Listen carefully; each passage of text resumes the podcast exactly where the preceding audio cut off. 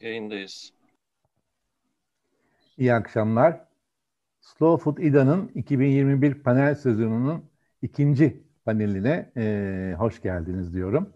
E, bu panelin konusu iklim krizi altında çiftçilik, yerel tohumlar ve geleneksel tarım yöntemleri, bitkisel üretim ile hayvancılık ilişkisi.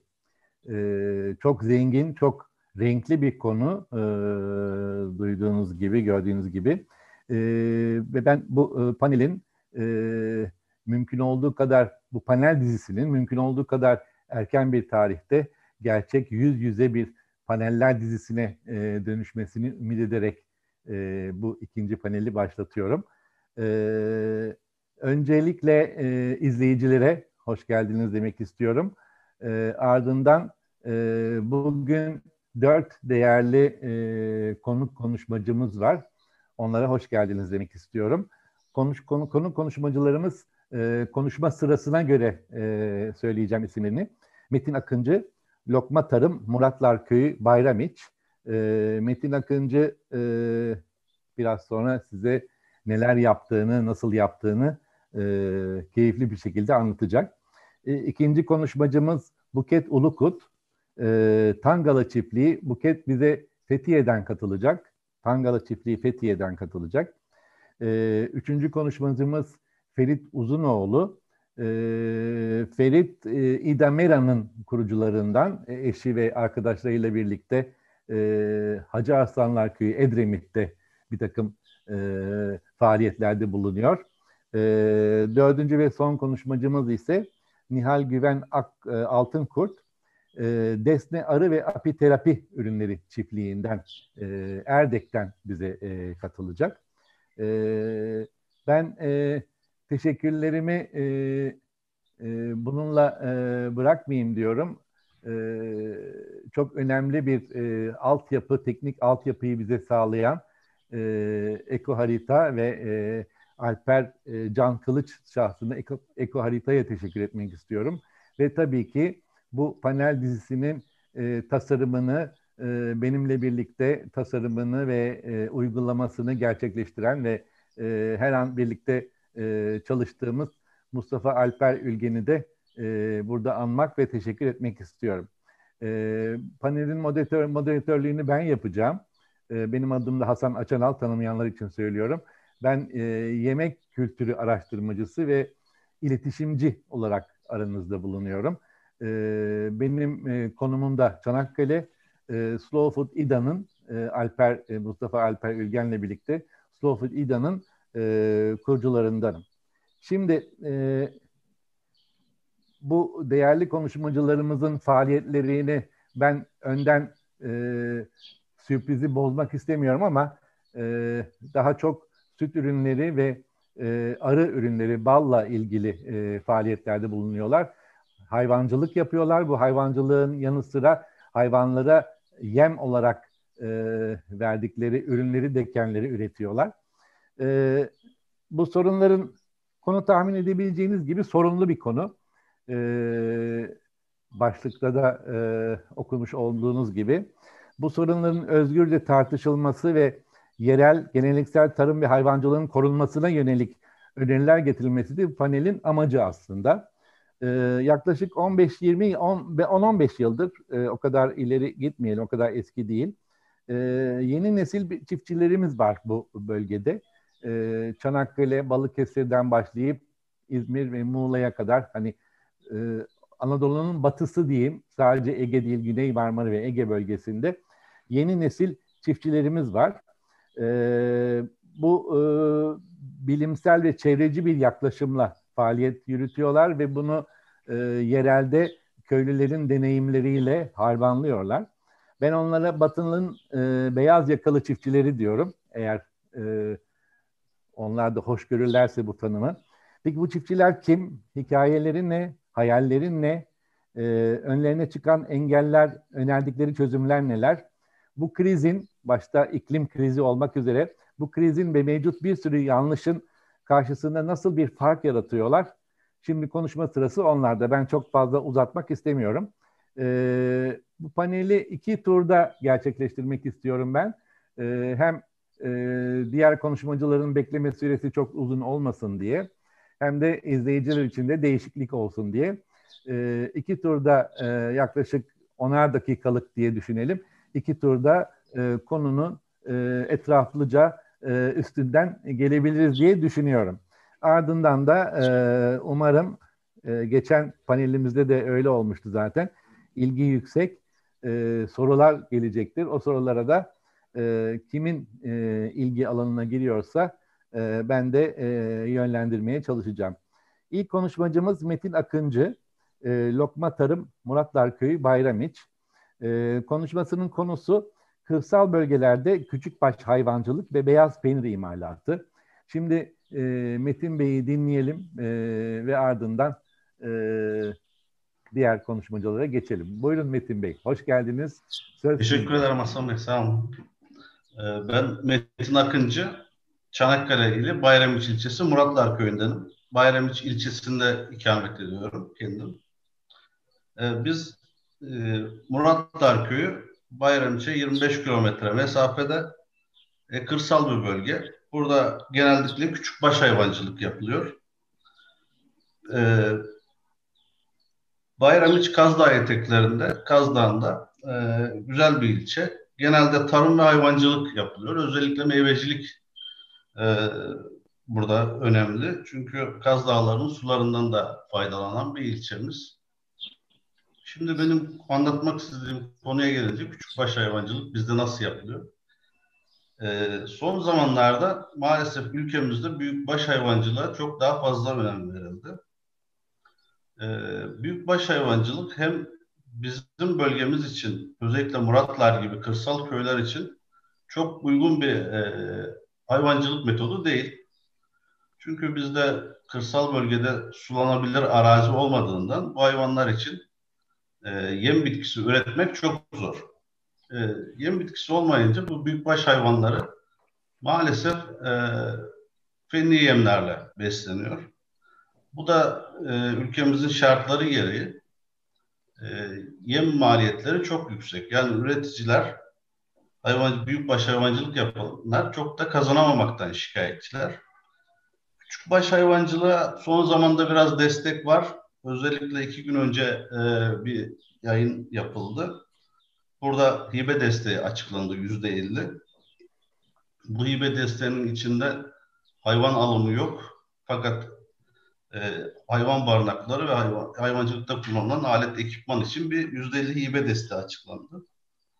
E, bunlar gerçekleşirse ve reel üreticilere ulaşırsa küçükbaş hayvancılığın gelişeceğini düşünüyoruz bölgemizde. Son zamanlarda da zaten hayvan sayılarına baktığımızda küçükbaş hayvancılığa bir yönelme var bizim bölgemizde.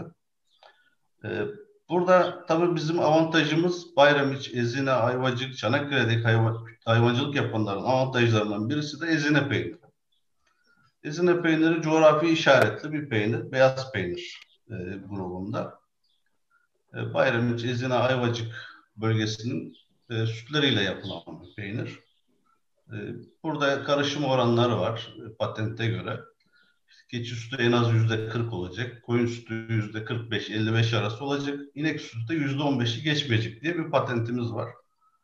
E, bu sütler bandıralara taşınıyor. Bizim burada küçük ve büyük işletmeler var. Biz kendi yaptığımız sistemde bayram için Yaşeli köyünde bir mandıracı arkadaşımız var. O da kendi sütünü işliyor. Günlük bir ton civarı süt işliyor. E, ben kendi sütümüzü ve süt birliğinden aldığımız e, koyun, keçi, inek sütlerini haftanın üç günü bu mandırayı dönüşümlü kullanıyoruz sezonda. E, genelde Mayıs sonunda, Haziran başında başlıyoruz. Bir iki aylık bir dönemde peynir yapıyoruz. Sonra bu peynirleri buzhanede e, saklıyoruz. İşte 8 ay sonra da piyasaya veriyoruz. Şimdi küçükbaş hayvancılıktaki en büyük sıkıntılarımızdan birisi e, maalesef e, bakıcı sorunu var. Hayvanlara bakıcı sorunu var. Çünkü kimse artık bu işlerden para kazanamadığını düşündüğü için herkes şehir merkezlerine gelmek istiyor. Köylerdeki en büyük sıkıntı hayvanlara bakacak kişiler de ilgili sıkıntı var. E, bunun dışında meralarımız maalesef çok verimli değil. Meralarımız bozulmuş. Ee, küçükbaş hayvancılıkta daha çok meralarda yapılan bir hayvancılık türü.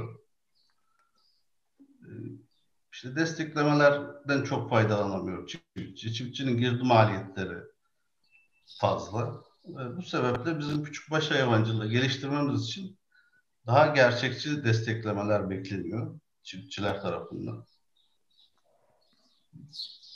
Ben daha çok bu günkü konuşmada eğer sorular varsa bunlar üzerinden gitmek istiyorum. Hı hı. Ee, çünkü küçük başta işte herkesin anlattığı zor bir iş. E, göründüğü gibi değil. İşin içine girince e, bakıcı, yem, e, bunların pazarlaması vesaire ile ilgili sıkıntılar var. Özellikle bir konuya değinmek istiyorum. Ülkemizde satılan etlerle ilgili bir sıkıntı var. İnsanlar peşin hükümlü küçük baş hayvanın etine karşı. Hadi sütünü tamam kullanıyoruz da etle ilgili bir sıkıntı var. E, piyasada hep büyük baş hayvan eti üzerinden bir satış oluyor. Ve küçük baş hayvan etiyle ilgili de desteklemeler ya da teşvikler, anlatımlar olursa e, küçük baş hayvancılığın daha da iyi gelişeceğine inanıyoruz. Çünkü küçük baş hayvancılık büyük baş hayvancılığa göre daha çevreci, daha sürdürülebilir, e, ve son zamanlarda daha ekonomik gelir getirisi olan e, bir hayvancılık çeşidi. Şimdi ben çok da vaktinizi almak istemiyorum Hasan Bey. Ben e, soru olursa da cevaplamaya çalışacağım. Zaten zaten bu bölgenin e, geleneksel e, hayvancılığı baş değil mi? Evet. Evet, evet. baş hayvancılık Ezine, Ayvacık ve Bayramiş'te çok yoğun yapılıyor. Bunun Bunda da tabii bu sütü e, değerlendirebildiğimiz için birazcık buna yöneldik. Ama e, sıkıntılar işte bunların pazarlaması ile ilgili. Nasıl sıkıntılar? Yani bireysel pazarlama bunlarda çok zor ette, sütte. E, bir mandıraya veriliyor. Ortak bir fiyat açıklanıyor. E, çiftçi hiçbir zaman e, sattığı ürünün önceden yani ürettiği ürünün kaç para edeceğini, nasıl satacağını bilmeden bu işe devam ediyor. Fiyatı başkaları belirliyor. Siz ona ayak uydurmaya çalışıyorsunuz. Ama siz hiç kendi hesapta... üretiminizin siz kendi evet. üretiminizin ticaretini yapmıyorsunuz öyle mi? Yapıyoruz. Biz yapıyoruz. Bir Lokma Tarım diye bir e, şirketimiz var. Buradan biz e, hayvancılığın yanında zeytin ve zeytinyağı da yapıyoruz. Zeytinliklerimiz var kullandığımız.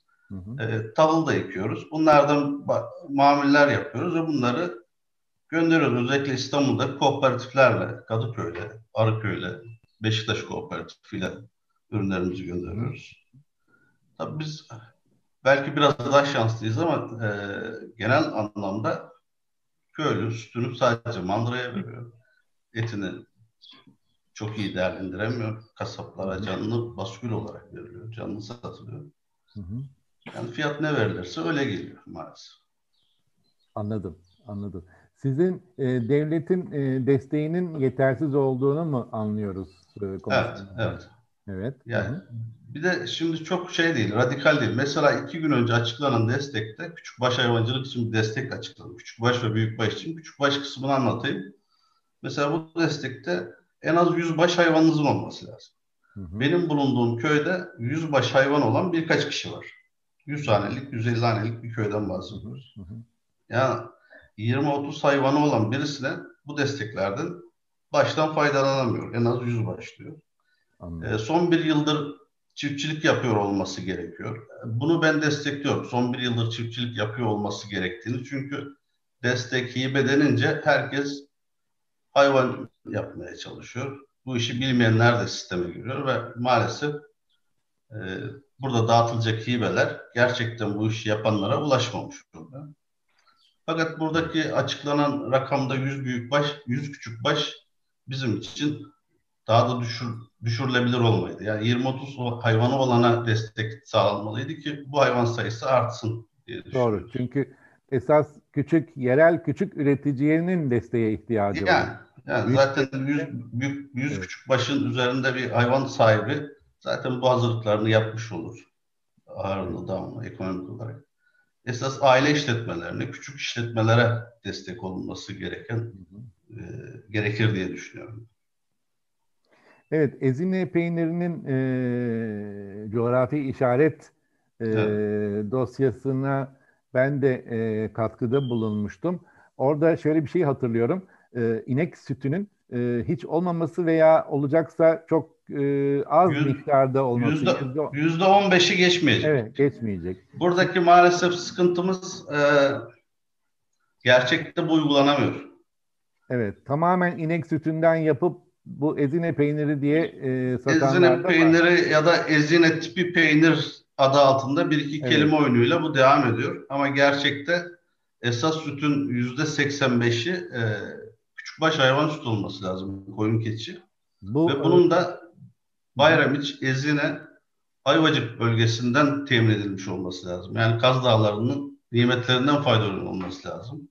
Buradaki bitki örtüsünü yemeden beslenmesi lazım hayvanın. Evet, bu bu e, yanlışla e, mücadele etmek mesela bir e, e, başlı başına bir konu. Tabii. Bununla ilgili ne yapılabilir onu tartışabiliriz daha Bunun, e, ileriki. Bununla ilgili küçük baş hayvan e, birlikleri var. Küçük baş hayvancılıkla ilgili birlikler var. Ziraat odası var. E, il tarım var. Sivil toplum kuruluşları var. Bunlar aslında e, kendi markasına, kendi sütüne e, sahip çıkmalı. Çünkü e, bölgemizde üretilen peynir e, çıkan sütten mümkün değil yapılması. Çok peynir var, süt az. E, bu nereden geliyor? Ya dışarıdan peynir geliyor ya da o zaman dışarıdan süt geliyor. Bu da ezine evet. peyniri kalitesini o, bozuyor. O isim, o isim hakkını kullanmaya izin vermemesi lazım. Yani bu bu bir, aslında bir, bu markanın gerçek sahipleri küçük baş hayvancılık yapan çiftçilerdir. Ama maalesef bu markayı e, işletmeler kullanıyor. E, çiftçinin de ürünü hak ettiği değeri görmüyor. Evet. Peki. Çok teşekkür ederim Metin. Evet teşekkür ederim aslında. Ee, daha sonra gerek e, soru cevap bölümünde gerek e, bir daha bir tur daha yaparsak e, size tamam. e, söz ver, vermek isteyeceğim. İkinci tamam, teşekkür ederim. İkinci konuşmacımız e, Buket Ulukut. E, Tangalı Çiftliği Fethiye. Bize Fethiye'den katıldı. E, kendisine hoş geldin diyorum tekrar. E, Merhabalar, hoş bulduk. Evet, e, Buket'in e, bizimle paylaşmak istediği enteresan bir proje var. Bu projeyi bize anlatacak. E, daha sonra da yine e, sorularımız varsa e, onları da sorabileceğiz. Neler yaptığıyla ilgili. E, Buket'in e, projesi şöyle. Endüstriyel peynir üretiminde aşırı sanayileşme ile kaybolan değerlere sürdürülebilir çözümler sunarak değer katan mobil artizanal mandıracılık projesi benim çok ilgimi çekti. E, sizi e, keyifle dinlemek üzere sözü hı hı. size veriyorum. Buyurun. Ee, teşekkür ederim. Ee, beni de gerçekten heyecanlandıran bir proje. Ben kısaca tanımayanlara çok kısa bir e, tanıtayım. Tangala peynirleri olarak 2012'den beri e, Tangala peynirleri olarak değil ama buket olarak 2012'den beri peynir yapıyorum. 2015'te yasal üretici olduk ve Tangala peynirleri markasıyla ürünlerimizi e, kendimiz pazarlamaya başladık. E, Mobil Mandıra projesi e, benim aslında kendi yaşadığım sorunlardan, süt tedariki konusunda e, yaşadığım sıkıntılardan e, kaynaklanan bir şekilde gelişti. E, aslında e, kendi üretimimize çözüm olmak için. E, fakat e, ilerleyen yıllarda gördüm ki e, bu proje gerçekten e, birçok konuda çözüm e, üretebilecek bir proje. E, ben şimdi isterseniz bir ekran görüntüsüyle devam edeyim. Hmm, böylece projenin e, ana unsurlarını da birlikte görmüş olalım. Hmm. Uh, screen sharing uh, is disabled by the host. Uh, acaba Alper açabilir misin screen sharing'i? Bu arada ben devam ediyorum konuşmama.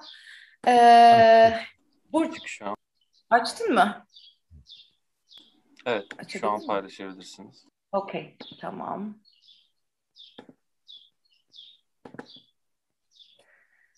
Ee, şimdi burada e, görebileceğim, görebiliyor musunuz? Evet. Yok. Evet görüyorsunuz. Görüyoruz. Ee, kendinizi de görüyorsunuz o zaman öyle mi? Onu indireyim aşağı. Okay, hayır hayır gayet güzel görüyoruz. Tamam. Şimdi burada e, en temel sorun aslında e, aşırı sanayileşmeyle kaybolan değerlerimiz. Bunları e, besinsel ve kültürel olarak ikiye ayırdığımızda e, besinsel değerler e, neden kayboluyor? Çok kendi başına bir başlık ama e, kısaca şeffaflığın olmadığı e, ve mikrobiyolojik çeşitliliğin yok olduğu bir üretimden bahsediyoruz. Şeffaflığın e, olamamasının en temel sebebi e, sütün bir yandan işletmeye girip peynirin öbür yandan çıkıyor olması ve aslında e, yani endüstriyel üretimden bahsediyorum tabii ki de e, yani ustanın kontrolünden çıkması ve her şeyin otomatize ve mekanik olması. E, bunun olabilmesi için zaten sütün o şekilde dönüştürülmüş olması gerekiyor. E, çoğu zaman e, yüksek ısıl işlemler, e, ultra heat treatment dediğimiz UHT e, derecelerinde e, sütlerle aslında ve süt e, süt tozuna ayrılıp işte e, çok değerli proteinleri bebek mamaları için ayrıldıktan sonra yani sanayinin elinde e, kalan e, posayla aslında peynir yapılıyor. Ve tabii ki de e, kıvam arttırıcılardan tutun da e, raf ömrünü uzatıcı ve lezzet arttırıcı bir sürü katkı maddesi girmesi gerekiyor.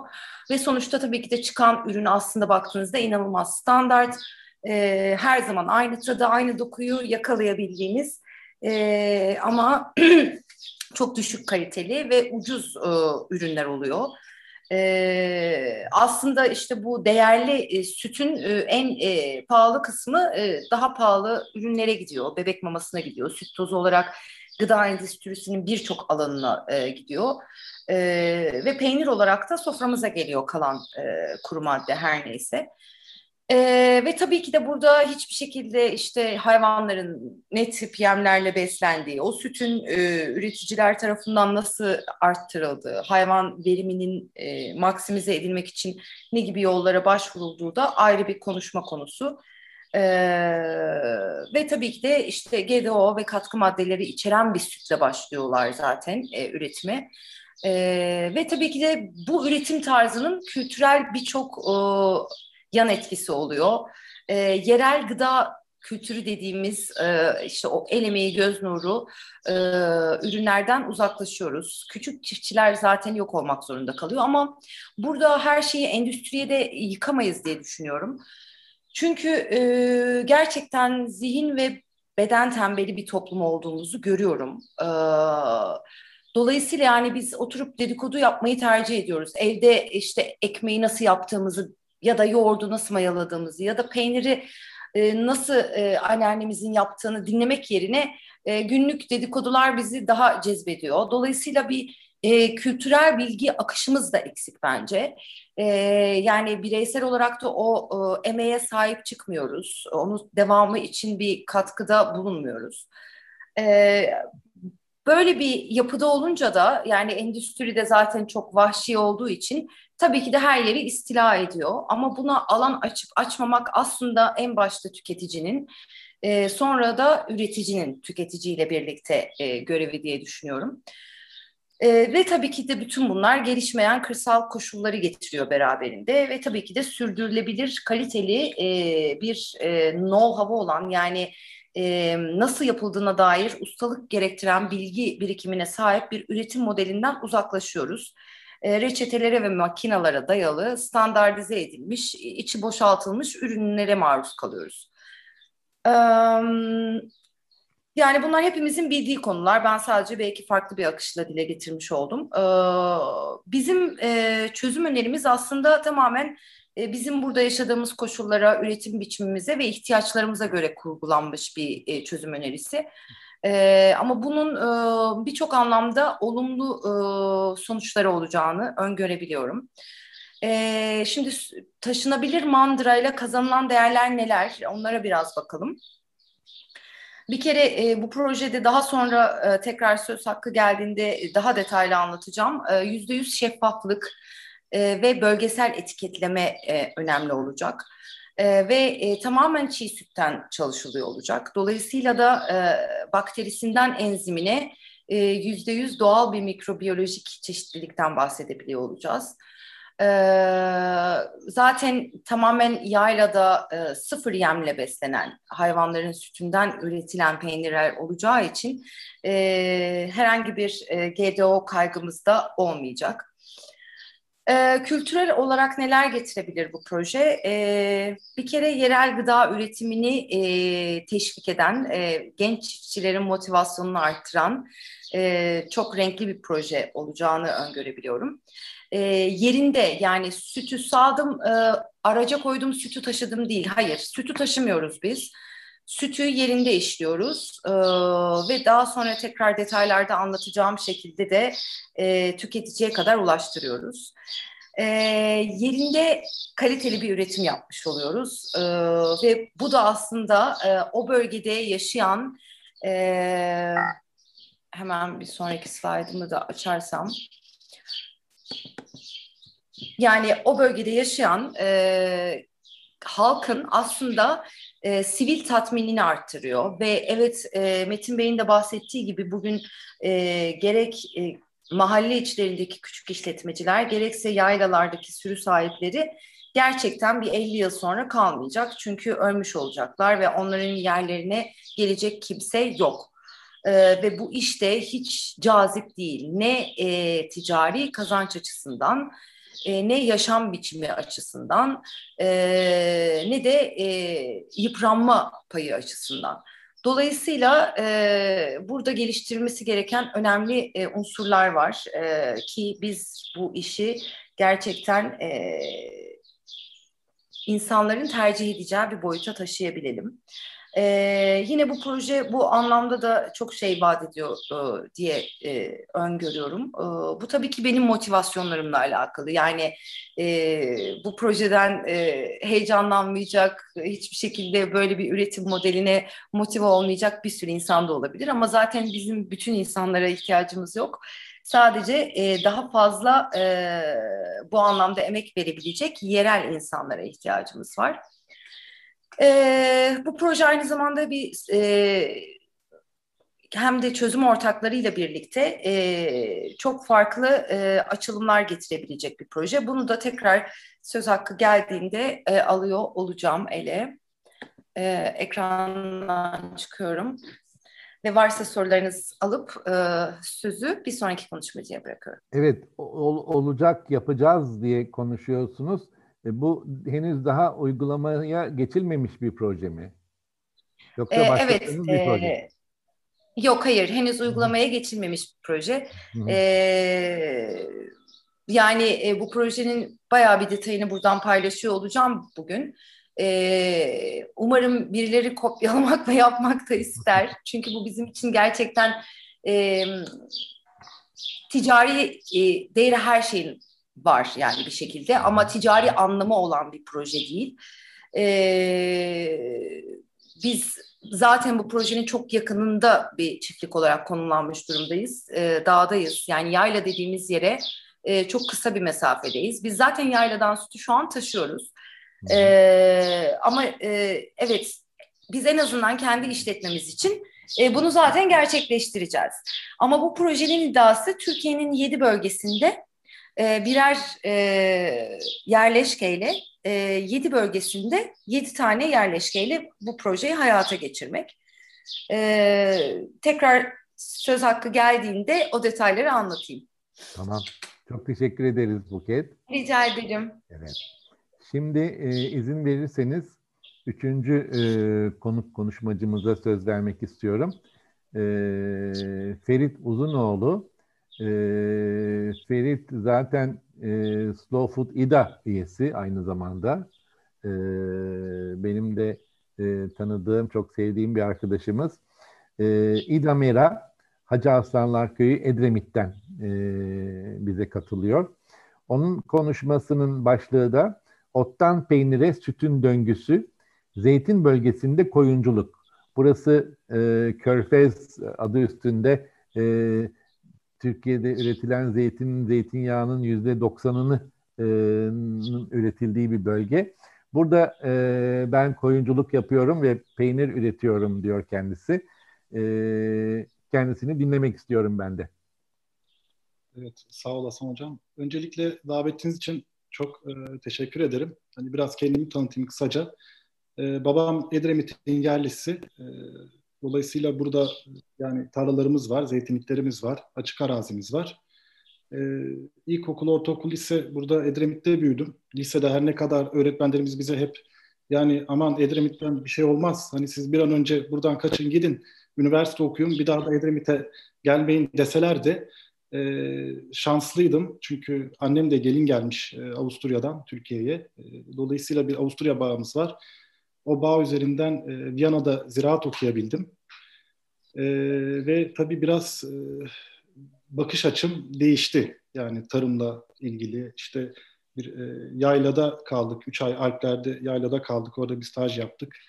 E, orada peynirle çok şey öğrendik. Yani işte hayvanla olan ilişki, mera, Alplerdeki yaylacılık, gelenek, kültür, işte bir şeyin 300-400 eh, yıl boyunca yapılması, eh, her şeyin para olmaması, eh, bir sürü şeyi aslında orada görerek öğrenmiş oldum.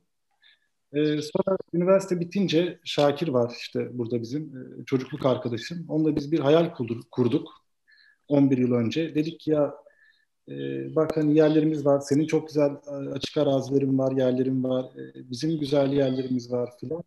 Hani gel bir deneyelim. Hani biraz e, babam benim de babam vardı hep hayvanları, damı filan. Ama e, mesela bizdeki sıkıntı daha büyümesi gerekiyordu babamın o dönemde 80'lerde filan. E, daha büyüyemeyince tabii klasik olarak battı. Yani işte borçlar, krediler, geri ödenemeyen krediler filan. E, Şakirler daha biraz daha kırsalda, daha yukarıda. Onlar biraz daha kendilerini e, emin tarafta kaldılar. Yani hiçbir zaman büyüyelim hamlesi de yapmadılar. Hep biraz böyle bir işte 20 koyun, 30 koyun tabii de onun dedesinin zamanında 100 koyun, e, 200 koyun falan varmış. Yani bayağı e, çobanları varmış. Ama sonra e, tabii işte yine klasik yani daralıyor, mera alanları daralıyor. İşte yasa var zaten zeytin altında e, yasa zaten müsaade etmiyor hayvancılık yapmaya. Dolayısıyla zaten hani destekleme falan da yok. E, bundan dolayı hep böyle bir onlar 50 hayvanda falan kalmış. Ya dedik ki hadi biz bunları biraz çoğaltalım ve e, e, Gökçeada'dan e, koyun getirdik. O zaman e, bir proje vardı, ırk koruma projesi. O koruma projesi kapsamında Gökçeada'dan e, 60 tane damızlık koyun getirdik. E, tabii bizim kafamızda bir e, total konsept vardı. Yani dedik ki e, iş sadece e, koyun değil. İş tabii önemli olan hani bunlar ne yiyecek, nerede, nasıl beslenecek. E, mera ektik yani açık yerlere, biraz kumsal böyle verimsiz olan yerlere e, karışık ot tohumları saçtık. E, yakınımızdan e, su akıyor yani çay akıyor. Oradan sulama çektik. Oraları suladık. Yani sulanabilir bir mera haline getirdik. İşte çayır biçme aldık, tambur aldık, e, ot çevirme aldık. E, güzel, büyük hayvan ferahına uygun bir dam yaptık. Hep kendi bünyemizde yaptık yani Şakir'le birlikte. E, çok da böyle e, abartmadan yani çıkma malzemelerle, şeylerle ama hani e, güzel bir şey yaptığımıza inanıyorum. Hani dam olarak da. E, ve e, dedik ki önemli olan işte buna bir katma değer katmak süte. Yani çünkü sütün belli işte alınan fiyatı tamam sütçü ayağına geliyor falan. E, biz bunu peynir yapalım. Güzel bir peynir yapalım. Yani farklı bir peynir olsun. Ve bu batı tarzı peynirlerle başladık. İşte kamember tarzı e, peynir mesela bir tanesi küflü e, peynir grubundan. E, işte biraz daha böyle sert peynirler falan e, yapmayı denedik ama onda mahzenimiz yoktu. E, onu bıraktık. Ama hep e, az tuzlu, salamaya girmemiş e, peynirler yaptık. E, ve evet konseptimizde de e, her zaman dedik ki biz dışa bağımlı olmak istemiyoruz. Düşük girdili bir işletme olmak istiyoruz. Yani girdiler en büyük sıkıntı bu memlekette. E, dedik ki biz yapabildiğimiz kadar otu, e, kaliteli kuru otu e, kendimizden yapalım. E, zaten koyunlara biz e, şu anda da e, kesif yem vermiyoruz. Yani ezmedir, şudur, budur hiçbir şey vermiyoruz. E, şu anda sadece dışarıdalar mesela meradalar. E, kış döneminde de yine kendi yaptığımız kuru otu yiyorlar. E, şu anda geldiğimiz nokta e, tabii biraz e, hani iyileştirdik. Daha da e, şey yaptık işte daha küçük bir peynirhanedeydik. Onu biraz daha büyüttük falan. Her yıl biraz daha üstüne koyduk. Yani 11 yıl içerisinde her yıl biraz daha iyileştirerek, hiç işi bırakmadan, e, üstünde durarak e, peynirhaneyi yapınca tabii koyun sütünün e, sağım yani laktasyonu kısa olduğu için e, dedik ya tamam bir iki inek de koyalım. E, biraz daha fazla ekeriz açık arazide, ovada işte filan derken e, şu anda 6 tane inekli ve e, 40 tane samal koyunlu, e, 6 samal inekli ve 40 samal koyunlu bir işletme haline geldik. E, bir peynir mahzenimiz var, küçük peynirhanemiz var. E, bu şekilde üretim yapıyoruz. Yani şu andaki durumumuz öyle. Evet. Yemeğinizi de kendiniz üretiyorsunuz. Evet.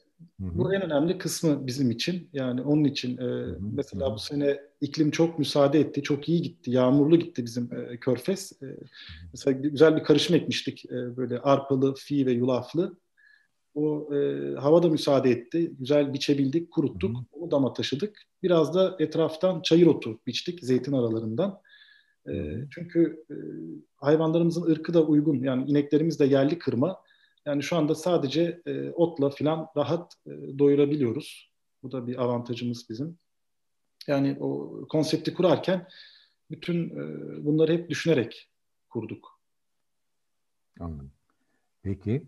Ee, ben bu arada izleyicilerimize bir e, duyuru yapmak istiyorum. Şu anda 50'nin üzerinde izleyicimiz var ve bu izleyicilerden bir ricam var. E, lütfen WhatsApp gruplarınızdan bu linki paylaşır mısınız? Daha fazla izleyici bize ulaşsın diye ve sorularınızı da e, davet ediyoruz tekrar.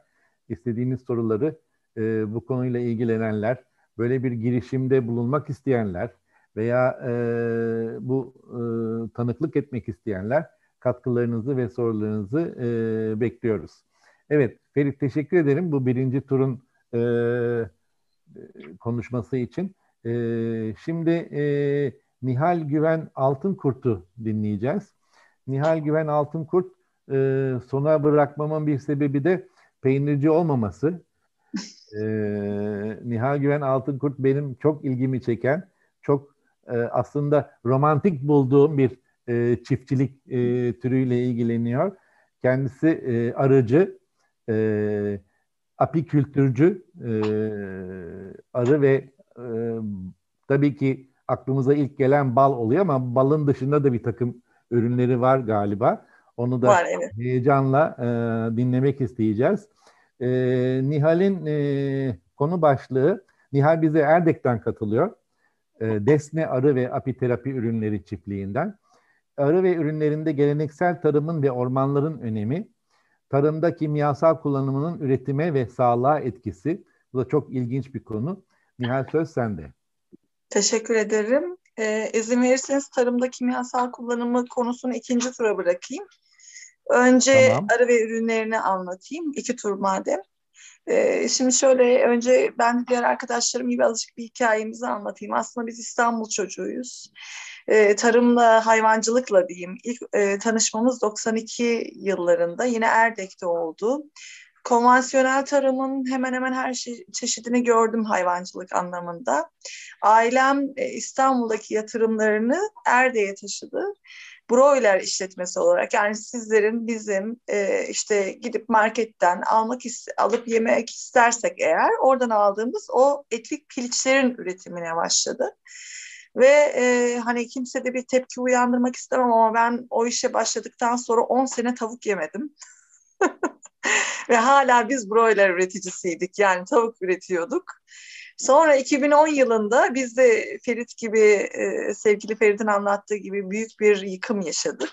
Büyük bir iflas yaşadık. Ama 2010 yılına kadar direttik. İlk kuş gribinde tavukçuluğu bıraktık. Büyük başlarımız vardı, onlarla devam ettik. Ve büyük başlar bizim için e, çok özeldi. Çünkü ineklerimiz diyeyim, kızlarımız Şimdi arılarda şöyle bir şey yok. Onları böyle tutup sevemiyorsun. Ama inekler öyle değil. Hani inek gibi bakar işte hiçbir şey yoktur derler ya. Yok öyle bir şey yok.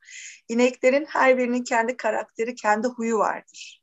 Kendi böyle e, istemezse sen onu getirip makineye sokamazsın. Gider çamurun içine girer, kenara kaçar. İşte eğer yani işine gelmiyorsa mesela şöyle bizim bir kara kızımız bir deli kızımız vardı. Eğer önce deli kıza yem verirsek kara kız suratına asardı. arkadan bir tekmeyi savururdu mesela. Yani bu tip tepkileri oluyordu. Ee, nazları oluyordu. Birisini kara dumanı severken Yıldız arkadan yara yara gelirdi önümüzde duru verirdi. Beni de sev, bana da sarıl diye. Hani çok farklı bir üretim şekliydi. Ama hep konvansiyonel üretimdi. Çünkü neden öyle oluyor? Ee, şimdi hala bugünkü gibi o zaman da süt minimum paraya satılıyordu. Ve biz her şeyi Kapıdağ Yarımadası'nda aslında ekebileceğimiz her yere ekiyorduk. Kiralıyorduk, icar yapıyorduk, e, işte kendi yerimizde küçücük mera alanımız vardı. Her yeri ekiyorduk ama e, süt parası o kadar düşük ve ham madde, yem fiyatları o kadar yüksekti ki 2010 yılında en sonunda yani 50-55 kilo süt veren ineklerimiz olmasına rağmen biz çiftliği kapatıp babam tamamen İstanbul'a döndü. Sonra 2015 yılında ben televizyonda çalışıyordum. Tarım Türk TV'de program yapıyordum. Bir gün durdum bir şeyler yapmam lazım dedim. İşletmem orada çürüyor ama ne yapabilirim? Hayvan kesilmeyecek, dışarıdan yem alınmayacak. Ee, yani böyle taşıma suyuyla değirmen dönmeyecek ne yapabilirim? O günlerde de bir arıcılık programı çekmiştik. Bir araştırayım dedim. Kendim ziraat mühendisi zooteknistim. 2002 Ankara mezunuyum. Ama inanın e, arılarla bir iki kere öyle görüşmüşlüğüm oldu. Hani okulda böyle kovanı açtık. Öğretmenim, hocamız bize işte bu ana arı, bu şu, bu bu böyle çok kısa bir zamanda. Bir de arılar korkulandı. Ve şöyle bir şey var ne yazık ki bizde. Yani revaçta olan işlere e, gençlerimiz çok fazla ilgi gösteriyorlar. Ama şu anda diyorum ki keşke 2002 yılında bir kovan alsaydık annemi dinleseydim annem hep derdi bir kovanımız olsun en azından balımızı kendimiz üretelim diye. Hiç dinlemedik çok yanlış yapmışız. O zaman başlasaydık bugün bambaşka şeyler olurdu diye düşünüyorum.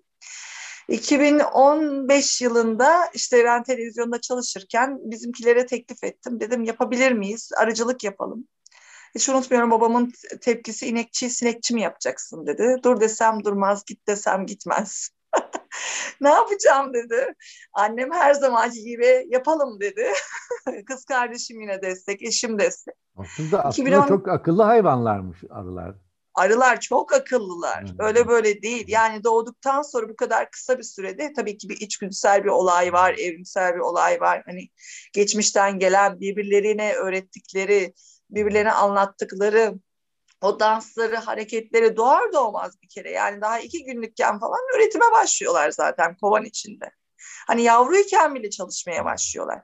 Onun haricinde titreşimlerle birbirleriyle konuşuyorlar. Güneşin e, diyelim şu anda güneşin yerine göre gece yarısı geliyor gece yarısı anlatıyor mesela gündüz şurada işte ayın konumuna göre şurada e, çiçek var orada polen var nektar var diye anlatıyor. Yani çok çok akıllılar. O minicik hani beyinlerine nazaran gerçekten muhteşem canlılar. Ve e, tamamen e, hani koloninin geleceği için çalışıyorlar. Yani toplumun geleceği için çalışıyorlar. Bu yönden biraz da acımasızlar. Şimdi ana konumuza dönmemiz gerekirse e, biz e, hani geleneksel tarıma toplum olarak da, insanlık olarak da, arıcı olarak da, koyuncu olarak da, büyükbaşçı olarak da e, hepimiz muhtacız aslında. Ama ne yazık ki henüz bunu anlayamadık, idrak edemedik. E, biz üretici olarak, arıcı olarak e, ormanda arıcılık yapıyoruz. Orman arıcılığı yapıyoruz. Farklı bir modelimiz var. Ve arıdan üretebileceğimiz arı zehiri hariç hemen hemen her ürünü üretiyoruz. Yani propolis, polen, e, bal, bal zaten ana ürünüdür aracının. Apilanil, az miktarda arı sütü. Bunları üretiyoruz. Sadece arı zehri üretmiyoruz. O da diğerleri bize yetiyor. Az sayıda koloniyle çalışıyoruz. Şu anda 60 civarında kolonimiz var. Hedefimiz en fazla 100'e çıkmak. Hani der, diyeceksiniz binlerce kovanı olanlar var. Bin tane, 1500 tane, 300 tane. Hayır gerek yok diyoruz. Yani çünkü babam ve ben bakıyoruz arılara. Ve e, diğer ürünleri de ürettiğiniz zaman, alternatif arı ürünlerini de ürettiğiniz zaman sadece bala dayalı bir üretim yapmadığınız zaman görüyorsunuz ki o satı onu satamazsanız onu satıyorsunuz. Onu satamazsanız onu satıyorsunuz. Bir şekilde gelip birbirini dengeliyor. Hı hı. Bir de arıcılıkta şöyle bir şey var. Sınırlarınız arılarınızın kanatları kadar. Yani onların o kanatlarını çıkıp gidip geleceği yere kadar 3 kilometre 5 kilometre koca orman bizim. Hani kestane e, ve diğer bin bir çeşit kapıda bambaşka bir orman. E, mesela ben hatta bazen düşünüyorum diyorum belki Kaz Dağları'ndan daha da kıyı, şey e, bitki çeşitliliği bakımından fazla olabilir. Çünkü Akdeniz, Karadeniz ve Marmara iklimini taşıyoruz. Çok sık ve farklı bir orman çeşidi var. 3300-3200 ee, e, galiba o şekilde e, bir bitki türüne ev sahipliği yapıyor. Ama tabii çok sıkıntılar çekiyoruz. Neden? Çünkü ormanlarımızı işte makilik kalan bölgeler aslında aralarımızın merası.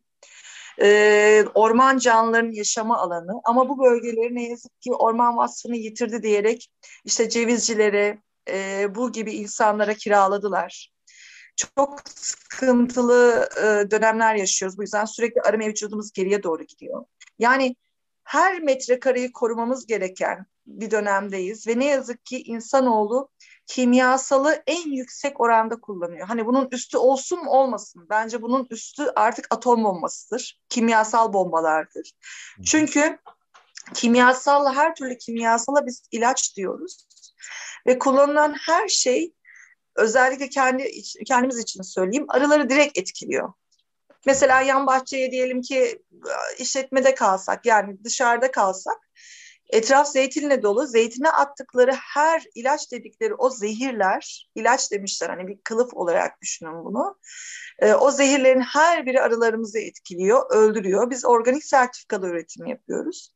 Anında bizim arılarımız organik sertifikadan yani organik üretimden çıkar. Çünkü orada ne varsa kovana taşıyacaklar. Ve belki de 20 gün 30 gün dışarıda çalışacaklarını bir günde ölmüş olacaklar. Hasan Hocam ben dakikayı göremiyorum. Siz beni uyarır mısınız? Devam edebiliriz. Devam tamam. edebilirsiniz. Yani e, tarım aslında e, muhtaç demeyeyim ama tarımsal üretim arıcılık olmadan olmaz. Bunu nerede, neden söylüyorum? Amerika'da şu anda örneğin badem bahçeleri var. O badem bahçelerini e, tozlaştırmak için arı kolonileri şey yapılıyor, kiralanıyor. Yani şu anda arı, arıların olduğu mesela yıllar önce e, Trakya tarafı Tekirdağ'da e, şeyciler, ayçiçeği üretenler demişler ki arıcılara ihtiyacımız yok, sizi istemiyoruz. Arıcılar karar alıyorlar, bölgeden çıkıyorlar. Ayçiçeği verimi e, dibe vuruyor. Ondan sonra gelin diyorlar. Yani o kadar birbirine bağımlıyız ki aslında. Hepimiz bir döngünün parçasıyız. Doğanın, İnsan da Doğanın öyle. dengesini bozuyor o şekilde bir şey. Evet. Hı-hı. Doğanın dengesini bozuyoruz. İnsan bozuyor sadece. Hı-hı. Yani ben şu an ormandayım kırdayım, ovadayım. Bakıyorum çevreme insandan başka çöpü, atığı olan yok ne yazık ki. Yani bizim tükettiğimiz mesela diyelim bir e, kalemi açıyoruz. O kalem açtığımız zaman çocuğumuz kalemini açıyor. Oradan çıkan şey bile bir atık. Aslında o normalde çözülmesi lazım. Ama plastikler, bunlar çözülmüyor ve biz bunları kullanmaya o kadar alıştık ki yani ilaç adı altında zehirlerle hem e, kendimizi hem arılarımızı hem büyük başlarımızı hem küçük başlarımızı hepsini zehirliyoruz. Doğal olarak da kendimizi zehirliyoruz. Neyse bu konuya geçmeyeyim. Otomatikman geçiyorum. Evet, Bizler bu... tamamen var mı zamanın? Evet evet var. Biz tamamen doğaya bağımlı çalışıyoruz. Biraz kendi üretim şeklimizi anlatayım. Mesela bu seneyi anlatayım. Ee, hiç kış yaşayamadık. Hiç kış yaşayamadığımız için 55 kovanla kışa girdik ve 25-30 civarında bir kovanla çıktık. Yani koloniyle, e, arıyla çıktık. Bizde her kovan bir koloni sayılıyor. Arıcılık ağzıyla da arı deniyor onların her birine. Ee, ve şu anda hızla onları çoğaltmaya çalışıyoruz. Oğula yatıyorlar. Neden? Çünkü kış gelmedi. Kış gelmedi. İçerideki besinlerini bitirdiler iyice aç kaldılar. E biz organik aracılık yapıyoruz. Dışarıdan bir şey veremiyoruz. Bal ve ballı çerçeveler dışında. E onlar da bitti elimizde. E havaları düzgün gitmiyor.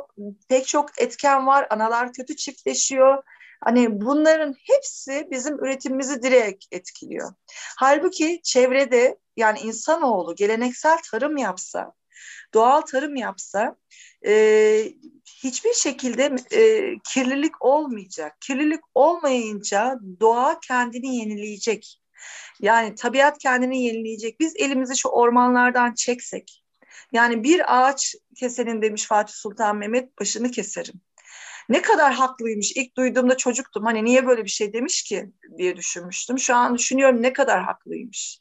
O kadar kıymetli ki hiç adam yerine koymadığınız bir laden bitkisi. Kimse tanımaz. Mesela gül derler. O bitki e, iki hafta önce açtı ve eğer nasip olursa Ağustos'a kadar bizim arılarımıza polen kaynağı olacak. Yani o kadar kıymetli. O çalılar denilen hani orman dışına çıkan e, vasıfsız araziler olarak gösterilen araziler aslında bizim için muhteşem alanlar ve biz bu alanlara muhtacız. Çünkü şöyle bir hayal edin. Ormanda her yer ağaç ve ağaçla çiçek bitti mi e, polen bitiyor. Ama laden olursa, laden gibi bitkiler olursa, orman sarmaşıkları olursa polen geliyor. Şimdi biz mesela örneğin ne yapıyoruz? Ee, çiçek balımızı alıyoruz, ormandayız. Ondan sonra kestaneyi alıyoruz. Sonra arılarımızı ormandan çıkarmıyoruz. Meşe balı, kestane meşe balı karışımı, salgı balı üretiyor arılarımız. Ve polen olmadığı için arılar yavruya yatamıyorlar, yüzde elli düşüyor. Biz neden ormana kaçıyoruz? Çünkü her yerde konvansiyonel üretim var. Eğer bugün ayçiçeği üretenler doğal e, mesela atalarından kalan e, o tohumlarla ayçiçeği üretselerdi eğer zararlara karşı ki o tohumlar kalsaydı eğer bu kadar zararlı olmayacaktı e, ve bunlara karşı o kadar zehir atmayacaklardı ve biz o ayçiçeğine gidebilecektik ve inanın ayçiçeği en güzel ballardan biri. Protein oranı, polen oranı en yüksek olan ve e, gerçekten insan bedenine çok faydalı bir e, bal fakat verilen bu zehirler nedeniyle tohuma katılan, daha sonra onlara yapılan ilaçlamalar dediğimiz o zehirlemeler nedeniyle ayçiçeğine gittiğiniz zaman koloninin yüzde elli düşüyor. Ve ürettiğiniz ürünün e, gıda olarak tüketilebilme olanağı yok. Yani ne kadar e, geleneksel tarıma geçersek bu koyunculuktan büyükbaşı arıcılığa hepsi e, doğal olanı tüketecek ve biz de insanoğlu olarak doğal olanı tüketeceğiz. Hani hepimiz birbirine bağımlıyız. Doğru. Bitti mi Hasan Hocam? Peki, çok teşekkür ederim. Birinci tur tamam. bitti diyelim. İkinci turda tekrar sizi e, dinlemek isteyeceğiz. Evet, şimdi e, isterseniz ikinci tura hemen başlayalım. E, ikinci turun sonunda e, benim de e, bir takım e, aldığım notlar var. Sizin konuşmalardan aldığım notlar. Onlarla beraber e, toparlarız panelimizi. Metin Bey e, burada mısınız? Evet, bur evet buradayım Hasan Bey. Bey. Tekrar merhaba. Merhaba. Ee, ikinci tura geçiyoruz. İkinci turda sizin demin söylenenlere veya ondan sizden sonraki konuşmacıların e, işledikleri konularla ilgili sizin ilave etmek istediğiniz, sormak istediğiniz veya katkıda bulunmak istediğiniz şeyler varsa sizi dinlemek isteriz.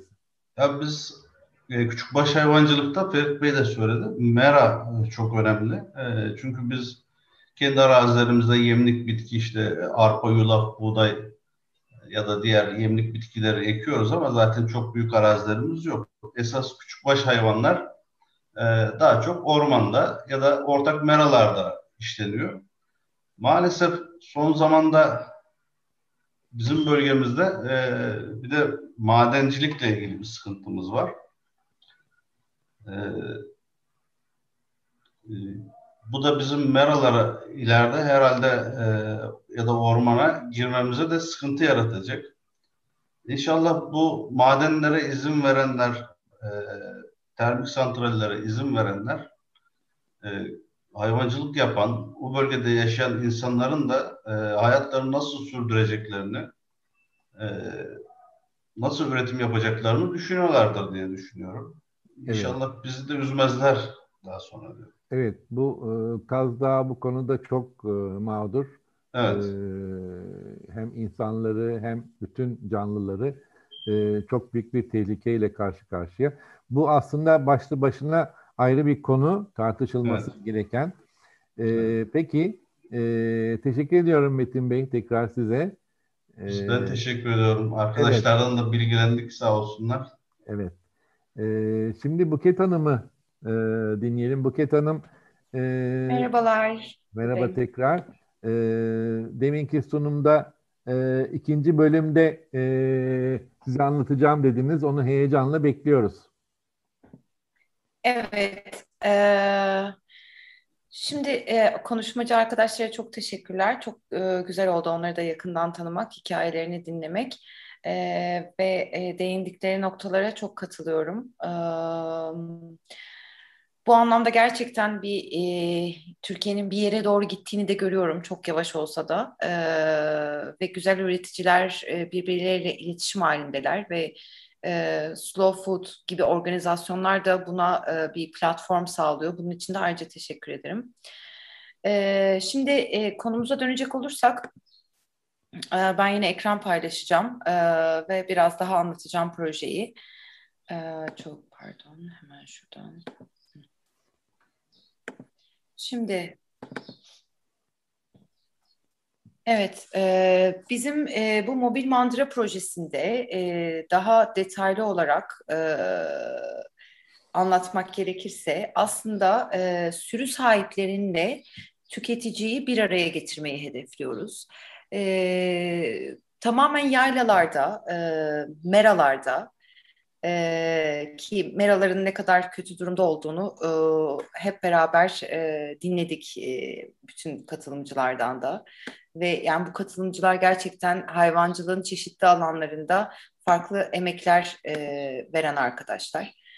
E, biz de aynı e, sorunları çok yaşadık. Yani benim e, arazilerim yok ekip biçebileceğim e, ama hayvanlarımı e, dağda yayıyordum ve dağda hiç e, beklemediğiniz yerlerde bile zeytinlikler var. Açıkçası ben e, böyle zeytinliklere karşı artık iyice e, şey kapmaya başlamıştım. Her yer zeytin, her yer zeytin. Ama burada da yine bilinç söz konusu. Yani sorun zeytinde değil, e, o arazilerin aslında çevrilmemesinde. E, çünkü e, koyun değil ama keçi e, gerçekten ormandan e, doyabilen bir hayvan. E, bugün baktığımızda... E, ormanda köylünün açtığı ve zeytini karnına dönüştürdüğü iki b arazileri e, telle çevrilmiş olsa e, gerçekten kendileri de çok daha rahat e, küçükbaş hayvancılık yapabilecek konuma gelirler. E, küçükbaş hayvancılıktan ya da büyükbaş hayvancılıktan elde edilecek sütün e, fiyatı e, bence tüketici yani üreticiler tarafından belirlenmeli. E, süt birliğinin bu konuda çok yetersiz kaldığını düşünüyorum. Ee, biraz e, gerçekten e, bu fiyat politikalarını belirlerken e, endüstriyle el ele gittiklerini düşünüyorum. süt fiyatlarının dolayısıyla hiç hiç adil olmadığını düşünüyorum. Bu süt fiyatlarıyla her şey çok zor ama bizim gibi katma değerli ürün üreten üreticilerin gerçekten zaten sütün fiyatının ne olması gerektiğini çok iyi biliyorlar e, özellikle Ferit Bey gibi olsun, benim gibi olsun e, hayvancılığı yapmış ve yapan, ben devam etmiyorum hayvancılık yapmaya. E, katma değerli ürün yapan üreticiler e, bunu çok iyi biliyorlar ki e, keçi sütü dediğimiz şeyin litresinin 5 liranın altında olmaması gerekiyor. E, bir kere e, sütü e, alırken dışarıdan e, üreticiyi bu noktaya çekebilmek yani doğru sütü üreterek bu e, fiyatı e, süt üreticisine e, verebilmek çok önemli diye düşünüyorum. E, bizim bu projemizin e, en önemli unsurlarından biri aslında e, hem farklı e, iş alanlarını bir araya getirmesi hem de farklı kültürel e, yapılardan insanları bir araya getirmesi. E, turizmin e, çok önemli olduğunu düşünüyorum burada, agroturizmin. E, bizim projemizde e, ki model şu, e, yaylaya kurulacak olan yerleşkeyle biz sütü orada işliyoruz. Ve e, ilk tuzlamasını ve ilk ince kabuğunu oluşturmasını yaylada sağlıyoruz, e, oluşturulacak çadırlarda. E, ve sonra e, o yaylanın bağlı olduğu köye peynirleri frigo araçla taşıyoruz mahzen dediğimiz yapının içine. Bu mahzen dediğimiz yapı ideal olan tabii ki de toprağın altında olması. Ama bizim bu projemizde e, aslında perit peynirini biz e, üretmek istiyoruz. Ve e, Perit'i öncelikle bizim bağlı olduğumuz, Yakaköy'ün bağlı olduğu Cem Alanı yaylasında e, bu yerleşkede üretip e, zaten e, hali hazırdaki mahzenimizde olgunlaştırmak istiyoruz.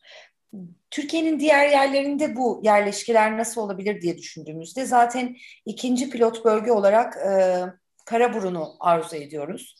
E, Karaburun'daki hayvancılığın da çok e, olumsuz koşullardan etkilendiğini biliyoruz, takip ediyoruz da yıllardır.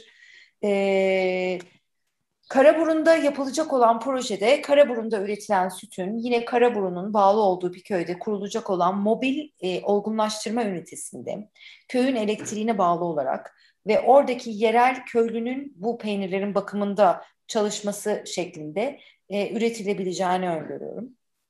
Aynı şekilde mesela e, Marmara'da Sarpdere köyünde olabilir. E, İç Anadolu'da e, neden Divle'de olmasın? Yani e, bir mobil mandırayla Divle'de üretilecek bir peynirin yine Divle'nin bir e, obluğunda, mağarasında e, olgunlaştırılması mümkün olabilir. E, yine Arhavi olabilir, Tunceli olabilir. E, seçilebilecek Türkiye'de çok güzel, değerli bölgeler var bu proje için. E, bu projenin e, çıktısı olan pelit peynirini rafta tüketicinin işte pelit cam alanı, e, pelit e, Karaburun, Pelit, Arhavi olarak görebilmesi. Coğrafi e, işaretli olarak evet. Aynen coğrafi işaret olarak. Aynı reçete aynı peynir. Kimi yerde koyun sütünden yapılıyor. Kimi yerde keçi sütünden yapılıyor. Belki bir diğer yerde koyun keçi karışık yapılıyor. Belki bir yerde daha yine keçi sütünden yapılıyor. İki keçi sütünün farkını birebir de tadabilir. İşte koyun girdiği zaman bu peynir ne oluyor? Bu peynir inek sütünden yapıldığı zaman ne oluyor? E, bu şekilde coğrafi işaretli aynı peynire tüketici e, farklı bölgelerden ulaşabiliyor.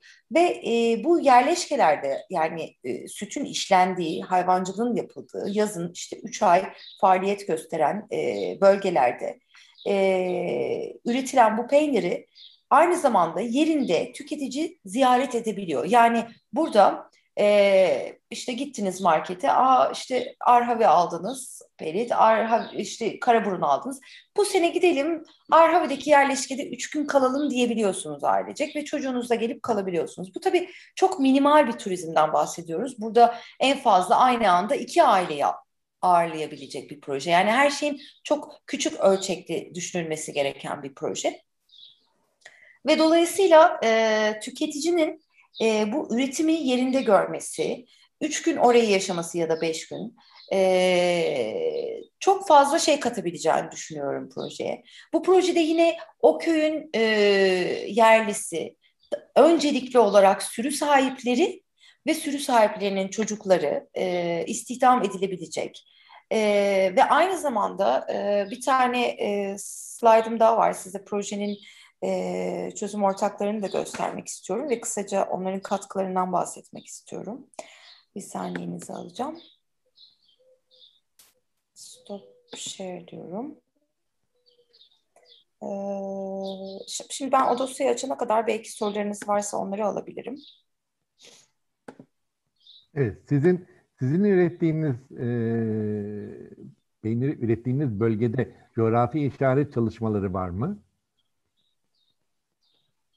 Hayır, yani bizim yaptığımız bir çalışma yok. Ee, yürütülen başka bir çalışma da yok bildiğim kadarıyla. Hayır. Hı hı hı. Anladım. Hani e, ezine peyniri gibi, Edirne peyniri gibi, işte e, İzmir tulum peyniri gibi bir peynir çeşidi var mı o bölgeye has veya işte geleneksel olarak bir e, üretilen bir peynir türü var mı? Yani tulum peyniri var burada. Ee, keçi derisine basılan. Ee, ama herhangi bir çalışması yok. Coğrafi işaret çalışması yok. Siz ürettiğiniz peynirleri nasıl, e, hangi kanallarla tüketiciye ulaştırıyorsunuz? Biz internet üzerinden satış yapıyoruz. Üzerinden. Ee, bizim hedefimiz en başta çok yerel kalmaktı. Hı hı. Ee, hatta toptan e, ürün satışı yapmak istemedim uzun hı hı. yıllar. Ama yapmak zorunda kaldım. Çünkü e, burada e, yerelde bizim ürettiğimiz peynirleri e, tüketebilecek e, damak tadı ve e, peynir kültürüne sahip çok fazla insan yok. e, genellikle e, ki son 3 e, yılda çok fazla göç aldı Fethiye.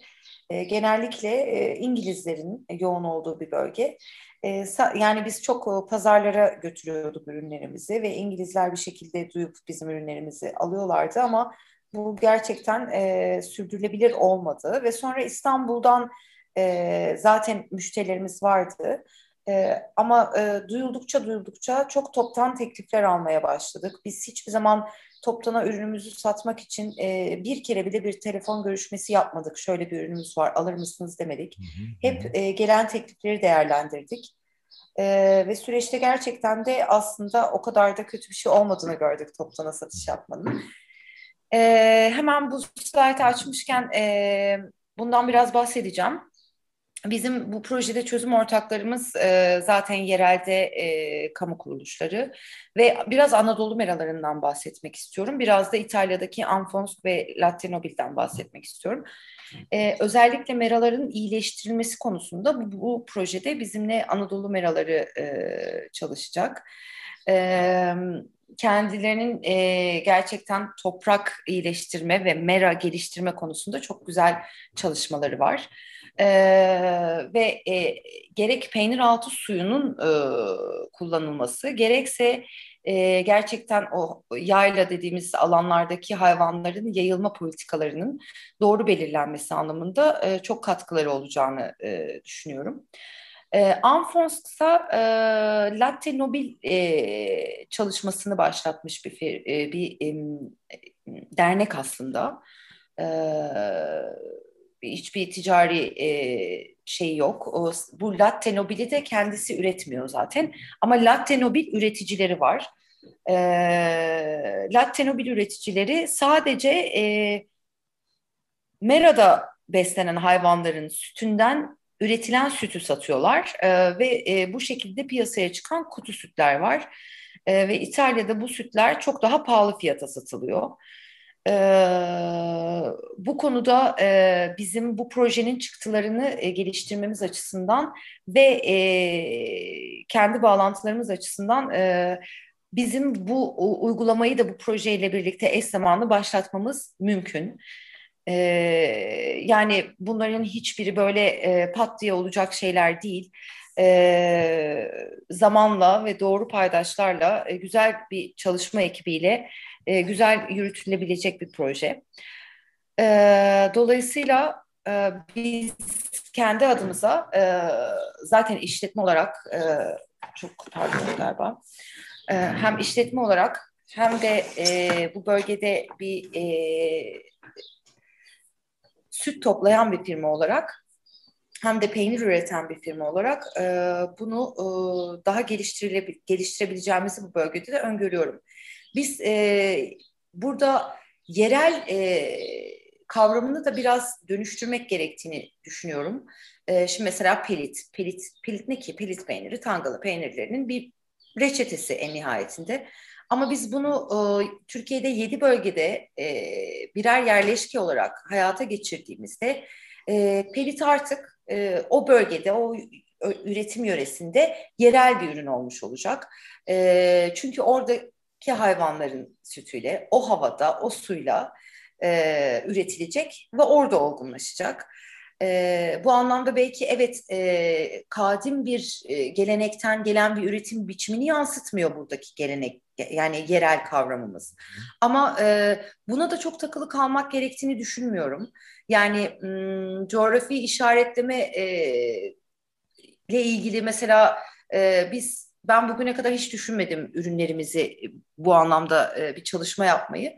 E, çünkü tahmin ediyorum ki coğrafi işaretleme zaten gerçekten yüzyıllardır uygulanan tekniklerle uygulanarak belli kriterlere göre yapılan peynirler ancak e, coğrafi işaret alabiliyor.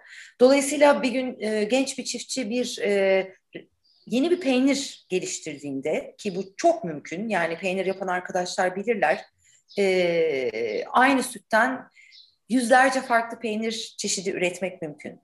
Yani bir peyniri e, yerel yapan şey bence e, o coğrafyadaki sütle yani ben buradan kalkıp e, Aydın'dan süt getirmemeliyim buraya. Hı hı. Ve aynı sorun burada da var. Yani Cemalanı Yaylası'nda e, süt üreten insanlar gerçekten e, gerçek yerel köylüler. Yani 2-3 kuşaktır belki daha fazla e, bu üretimi yapıyorlar. Tek bildikleri şey zaten hayvancılık. Ama bugün bu hala bu işi yapıyor olmalarının e, motivasyonu yok. Sadece başka bir şey yapmayı bilmiyorlar. Başka bir yaşamsal alışkanlıkları yok. Yazın geldi mi hayvanlarla yaylaya çıkarız. Kışın ineriz. Zaten onlar da mahallenin içinde sıkışıp kalıyorlar o kadar hayvanla. Hiçbir yerde yayamıyorlar. Ben dağlık bir ara bölgede yaşıyorum ve burada bile e, yani her yer e, açılmış tarla ormandan e, ve tamamen konvansiyonel e, kendilerini bile böyle zehirin içinde tutarak yıkadıkları bir maske bile takmadan yani inanılmaz çılgınca bir e, zehirleme durumu söz konusu. Hem kendilerini hem çevreyi hem ürettikleri ürünü. e, yani hiçbir e, köylü de demiyor ki e, ya dur ben şu tarlayı böyle değerlendirmeyeyim de gerçekten hayvanıma e, verimli bir ot üreteyim şurada o otla hayvanımı besleyeyim demiyor. Ee, ya evet bir kere buğday kaldırıyorlar. Ee, zaten zehirli saçma sapan bir buğday.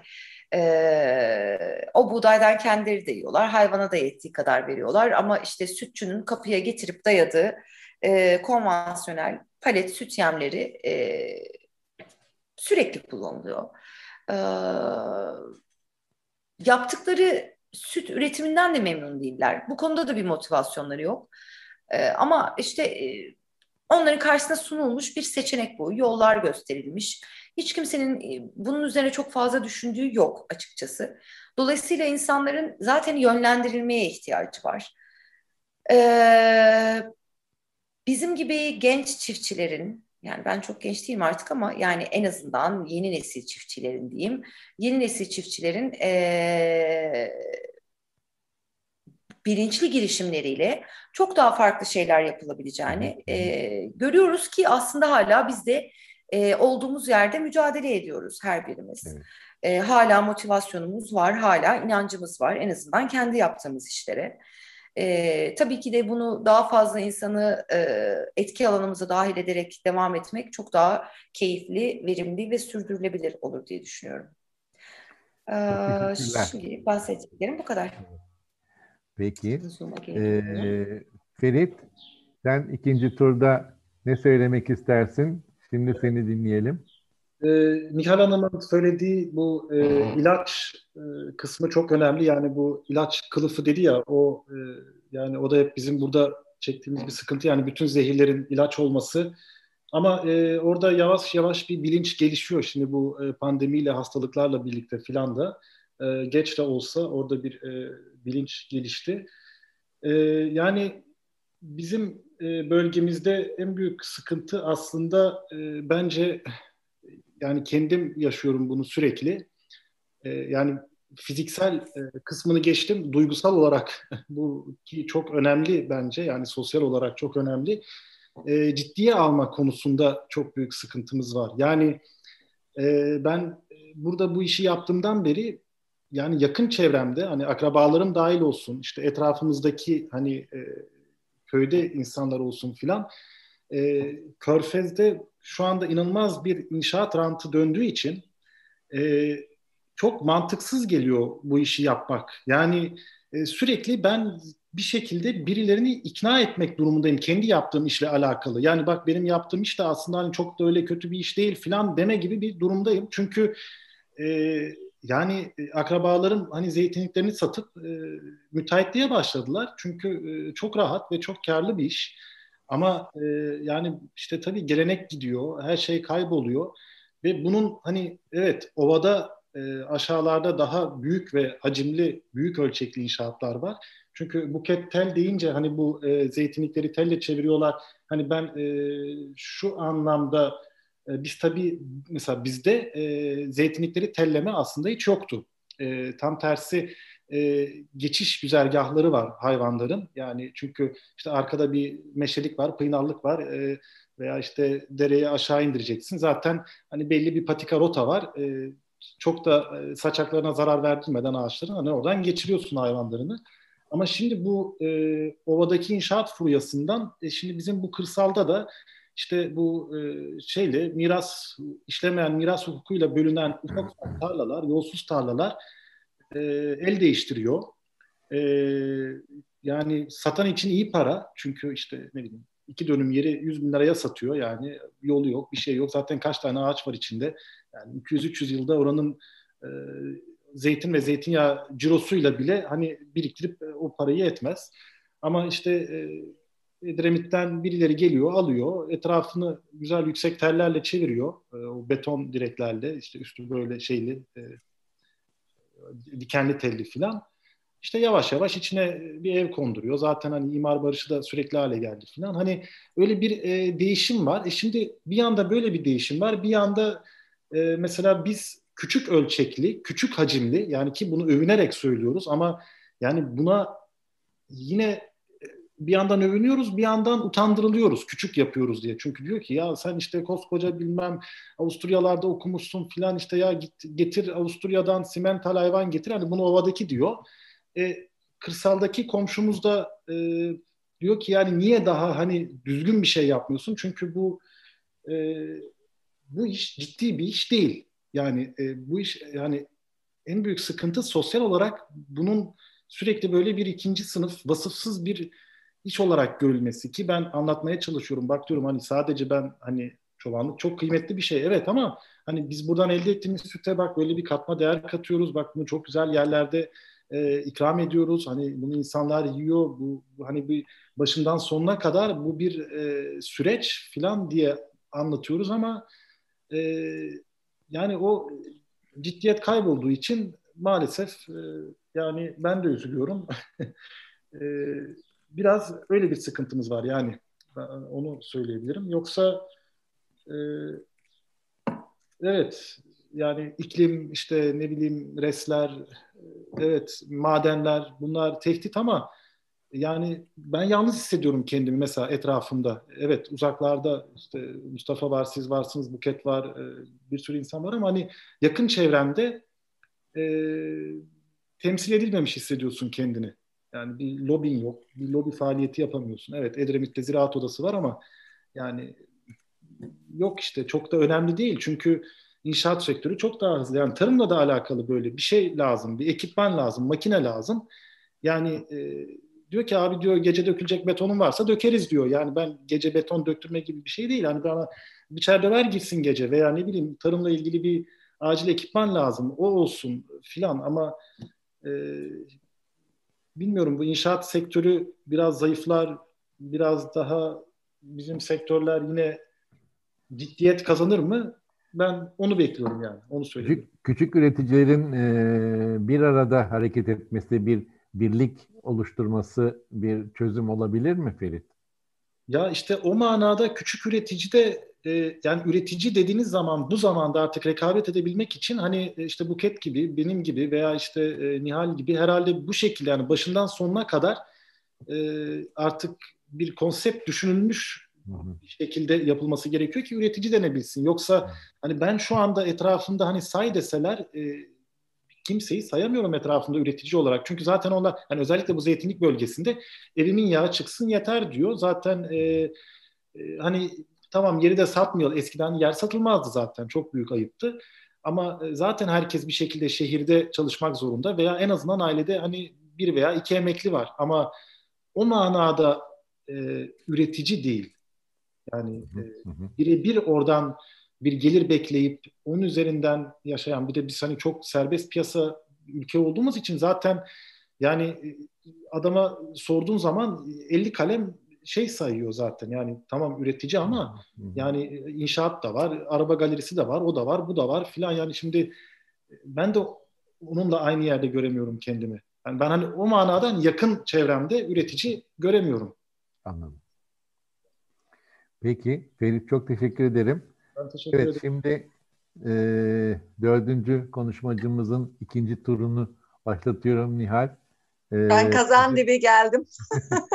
bize arıları anlatmaya devam et. Ondan sonra da ben bir e, 3-4 dakikalık bir şey yapmak istiyorum. Hani toparlama, bir özet, bir e, katkıda bulunmak istiyorum. Evet Nihal söz sende. Ferit, sevgili Ferit bu vesileyle tanıştık ama inan bana yalnız değilsin. Ben de burada yalnızım. yani biz hep yalnızız. Hatta ben bu sene e, ya dedim ben yalnız olmayacağım. Benim gibi insanlar olsun dedim. E, şeye başvurdum. Halk eğitime başvurdum ve halk eğitimde arıcılık kursları vermeye başladım. Ve bu şeyde tam pandemi dönemine denk geldi. Diyorlar ki sen deli misin? Ne işin var? Arılara zor yetişiyorsun. Çocuğun var, evin var, satış bir taraftan, kargosu bir taraftan ama gerçekten bilinci arttırmamız lazım. Bakın e, Türkiye Kurtuluş Savaşı'ndan çıktıktan sonra bir avuç insandık biz ve yıkılmış bir Türkiye vardı. Anadolu topraklarında yurt dışına koyun ihraç ediliyordu. E, büyükbaş ihraç ediliyordu. 30 milyon bakın 30 milyon e, hayvan vardı diye hatırlıyorum. Çok iyi hatırlayamıyorum ama 25-27 milyon civarında insan vardı. 30-35 milyon hayvan vardı bu ülkede ve biz ihracat yapıyorduk. Bu ülkede e, köy enstitüleri kuruldu. Eğer o köy enstitüleri devam etmiş olsaydı köylü köyünde doyacaktı. Köylü ürettiğinin e, ne kadar paha biçilmez bir şey olduğunu, gıdanın ne kadar paha biçilmez olduğunu görecekti. Ama ne yazık ki kapatıldı. Hatta bakın önceden üretilen mesela sevgili Mustafa'nın e, üretmiş olduğu şu andaki buğdaylar 1945-50 yıllara kadar Anadolu'da e, her yerde üretiliyordu. Ama 1950'li yıllarda ne olduysa oldu birdenbire be, benim e, türdeşlerim, ziraat mühendisleri sahaya salındılar. Birdenbire buğdayın şekli değişti, çeşidi değişti. Durum buğdayı çıktı piyasaya. O zaman gerçekten genetiği değiştirilmiş buğday girdi Türkiye'ye. Ondan sonra ufak ufak ufak ufak bunlar başladı ve tarımsal zehirler ilk olarak bu buğdayla işte ayçiçeğiyle vesaireyle girdi. Neden? Çünkü bunlar özel tohumlar. Mesela şu anda bir kara buğday, efendim ne bileyim yani greçka, bunlar Anadolu'da yetişmiş Anadolu'nun öz buğdayları. Hani ekmek hepimizin bam teli olduğu için oradan başladım söze. Tarım o, bu, tarım o buğdaylarla başlamış. Hayır tarım buğdayla başlamış evet. Hayır dedim özür dilerim. buğdayla başlamış gerçekten her şey buğdayla başlamış ve örneğin e, yani buğdayla bugün insan zehirleniyor. Buğdayla hayvan zehirleniyor. Buğdayla her yer her şey zehirleniyor ve aynı zamanda ayçiçeğiyle pamukla vesaireyle yani tohum, genetiği değiştirilmiş bütün tohumlarla biz bir şekilde hasta ediliyoruz. Bakın Monsanto denen bir firmamız var. Bizim değil Allah'a şükür Amerikalı bir firma. Bu Monsanto'yu geçtiğimiz senelerde Bayer satın aldı. Bayer kimdir? Bayer bir ilaç firması ya. Hani bizi sağlığımıza kavuşturmak için olan bir firma. Monsanto da GDO'lu tohumları üreten bir firma. Ne alaka diyeceksiniz? Monsanto tohumu üretiyor. Mesela ayçiçeği tohumunu üretiyor. O ayçiçeği tohumu o kadar narin ki. Çünkü hiçbir yerde bir genetik geçmişi yok bu tohumun. Onun için onu korumak için ilacını üretiyor, zehirini üretiyor ve bunu da daha sonra bizim sağlığımız için ürün üreten Bayer alıyor. Hani şirket isimlerini vermem belki hatalı burada. Ve yani bu tam bir kısır döngü içerisinde biz cebelleşip duruyoruz. Anadolu insanına sen bak bu tohumları ekme. Bu kara kılçığın işte efendim kavuzu çok sert. Bilmem neyin kavuzu şöyle. Bak bunlardan güzel ekmek olmuyor. Alın size aa çarşı ekmeği işte fırın ekmeği şu kadar yumuşak bu kadar güzel dendi. Anadolu insanına tohumlar dağıtıldı. Yeni bu buğdayların tohumları. Ve e, Toprak Mahsulleri Ofisi o tohumları almıyor. Eski tohumları almıyor Yani şu anda üretici öyle bir cenderenin içerisinde ki bu zehir saçtığı, zehir attığı tohumları ekmese para kazanamayacak. Çünkü o nereye satacak? Öyle bir gücü yok. Köyün Allah'ın köyünde hani biz okumuşuz, gelmişiz, İstanbul'u biliyoruz. Her şeyi biliyoruz diye düşünelim. Yani bütün dış dünyayı biliyoruz diye düşünelim. İnternetimiz var, bilgisayarımız var ama onlar gördüklerini yaşıyorlar ve satamazlarsa yaşayamayacaklar. Hani böyle bir cendereye sokulmuşlar. Biz ilk 2015'te arıcılığa başladık. 2016 mıydı, 2015 miydi? Muğla e, Arı Kongresi var Muğla'da. Çambalı ve Muğla Arıcılık Kongresi var. O zaman hiç unutmuyorum 100 kilo kestane balı üretebildik sadece. Yanında çok az polenimiz vardı. Daha yeni öğreniyoruz arıcılığı. Ben kongrede ağladım balımı satamıyorum diye. Toptancıya gitmedik mi? Toptancı babam dedi ki kızım bir soracağım ya kaçtan alacaklar balı? Yüzde 97 çıkmış kestane oranı balın. Ve öyle bir bal şifa yani başka bir şey değil. E, toptancı 30 lira fiyat biçmiş kilosuna. 100 kiloyu üreteceğim, üretiyorum, 30 liradan satacağım, 3 bin lirayı alacağım. Ben bir sene bütün çiftliği, bütün işletmeyi, bütün ailemi bununla geçindireceğim ve arıcılık yapmaya devam edeceğim. Böyle bir şey var mı? Olamaz. Yani insanları böyle bir cendereye sokuyorlar. Ha şu an biz de toptana veriyoruz. Ama öyle fiyatlara vermiyoruz. Ufak ufak ufak ufak veriyoruz yine. Yani arıcılık ve koyunculuk, büyükbaş, insan hepsi bu tarımsal zehirlerin Şimdi şöyle anlatayım, en baştan anlatayım. Biz toprağa zehir atıyoruz. İlaç dediğimiz o zehiri atıyoruz, öyle değil mi? Önce toprağı zehirliyoruz. Topraktan tohuma geçiyor. Tohumdan bitkiye geçiyor. Bitkiden in, hayvana geçiyor. insana geçiyor. Ekmek olarak, işte ayçiçeği çekirdeği olarak, başka şeyler olarak insana geçiyor. Ve bu kısır döngü dönüp dönüp dönüp dönüp duruyor. Biliyor musunuz? Sürekli olarak mesela zehir atılan, e, tarım ilacı atılan toprakların gerçekten dönüşümü onlarca yılı buluyor.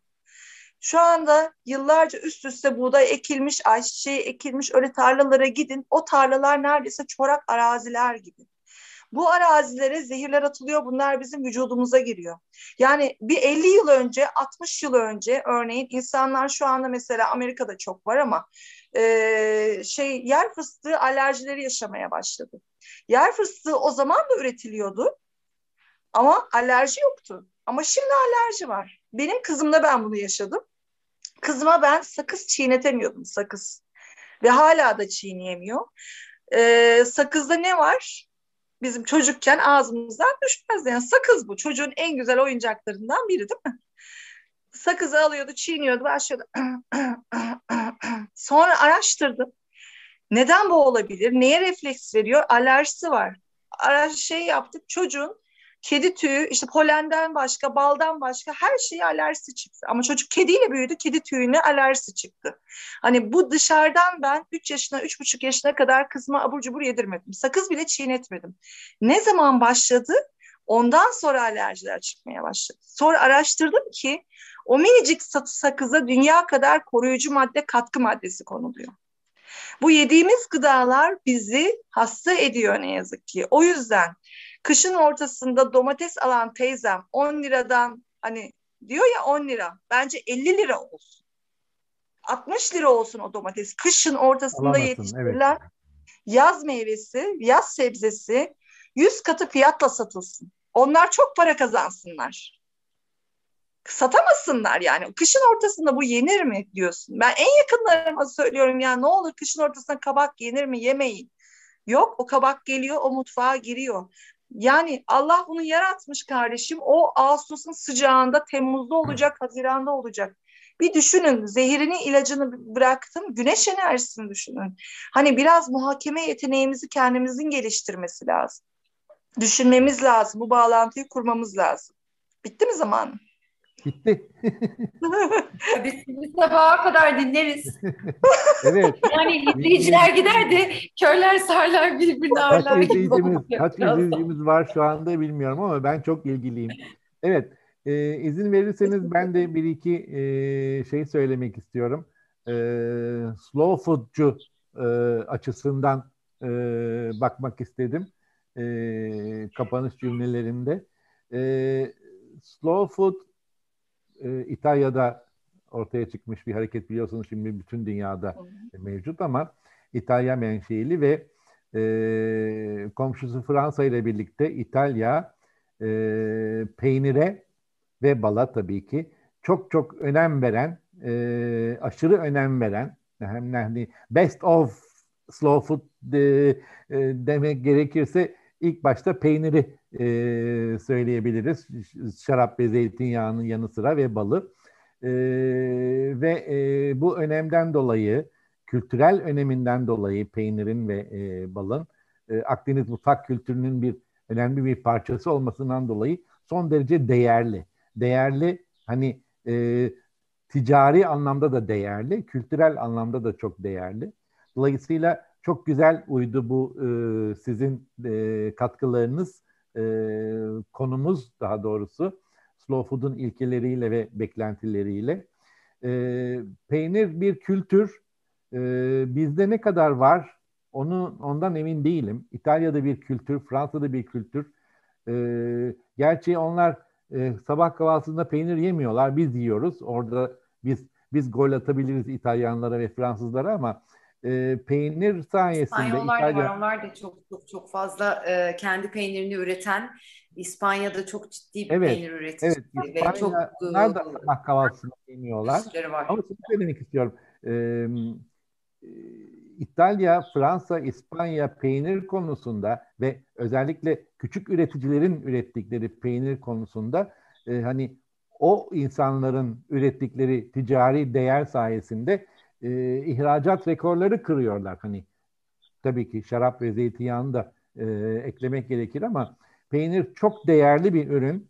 E, Güney Avrupa'da, Akdeniz havzasında e, ve özellikle keçi ve koyundan üretilen peynir çok değerli bir ürün. Çünkü keçi ve koyun Akdeniz havzasının e, özgün e, hayvanı, peynir e, süt veren özgün hayvanı.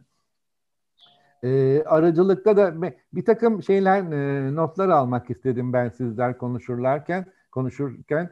E, hem e, konu başlığı olarak hem de e, anahtar kelime anahtar sözcük olarak. E, arıcılıkta da bu e, arıların e, arı kolonilerin uğradığı e, tehlike e, yaşadıkları tehlike yok olma tehlikesi e, benim için önemli bir e, e, anahtar kelimeydi. E, iklim krizinden çok fazla bahsedemedik. Kuraklık, sel felaketleri sizi nasıl etkiliyor, nasıl etkilemiyor ama e, bence çok ciddi bir sorun. Bu sizin yaptığınız faaliyetlerde de çok önemli bir sorun. E, karbon ayak izi diye bir e, kavram var biliyorsunuz hepiniz. Karbon ayak izi kavramı e, bütün e, karbon ayak izi e, hacminde e, tarımın yeri çok kısıtlı. Yani herkes çok büyük zannederken çok kısıtlı bir e, yer kaplıyor. Bunun, bu tarımın içinde de, tarım ve hayvancılığın içinde de peynir üretimi e, az çok önemli bir pozisyonda. E, dolayısıyla hani e, suçlamalara rahat rahat cevap verebilirsiniz diye söylüyorum. E, peynircilerin karbon ayak izi e, çok fazla değil. Daha doğrusu tarımın karbon ayak izi çok fazla değil. E, enerji üretiminden işte e, nakliyeden şundan bundan sonra e, komik e, bir e, yer kaplıyor. E, GDO'dan bahsedildi. GDO önemli bir konu. E, canlı hayvan ithalatından bahsedildi. E, yem ithalatından bahsedildi ve yem e, hayvancılık yapan, peynircilik yapan e, sizlerin kendi yeminizin, kendinizin üretilmesinin ne kadar önemli olduğunun altı çizildi. Çok emek yoğun ve maliyetli bir e, iş yaptığınızı anlıyorum. Zaten biliyordum bir kere daha vurgulamış oldunuz. Bu e, çok emek yoğun ve çok maliyetli bir işin bir ödülü olmalı. Bu konuda size katılmak, katılmamak mümkün değil. E, bu bir politikada benim için bir e, anahtar kelime bu konuda. E, nasıl bir politika üretiliyor? Devlet size destek oluyor mu? Daha fazla nasıl olabilir? Veya devlet size nasıl engel olmasa e, siz kendi başınıza, kendi kendinizi organize ederek e, bir takım e, çözümler üretebilir misiniz? e, Buket Hanım'ın e, bahsettiği agroturizm benim için çok önemli. Agroturizm insanları bu konuya teşvik etmek, e, hem üretici olarak hem tüketici olarak bu konuya teşvik etmek, özellikle çocukları ve gençleri bu konuya teşvik etmek için son derece önemli ve son derece albenisi olan, son derece çekici bir e, yatırım, bir faaliyet bence. E, yerel üretimin değeri e, ve e, Fransızca'da terroir diye bir kelime vardır. Belki duymuşsunuzdur. Terroir toprak kelimesinden türetilmiş. Terroir aslında toprak ama sadece toprak değil. O toprağın bulunduğu coğrafya, o toprağın e, maruz kaldığı iklim koşulları, o toprakta yaşayan diğer canlılar, o toprakta yaşayan üretici, e, yani Ferit, yani Buket, yani Nihal, yani Metin de siz o terörün bir parçasısınız. O terör son derece önemli, son derece saygıdeğer bir şey.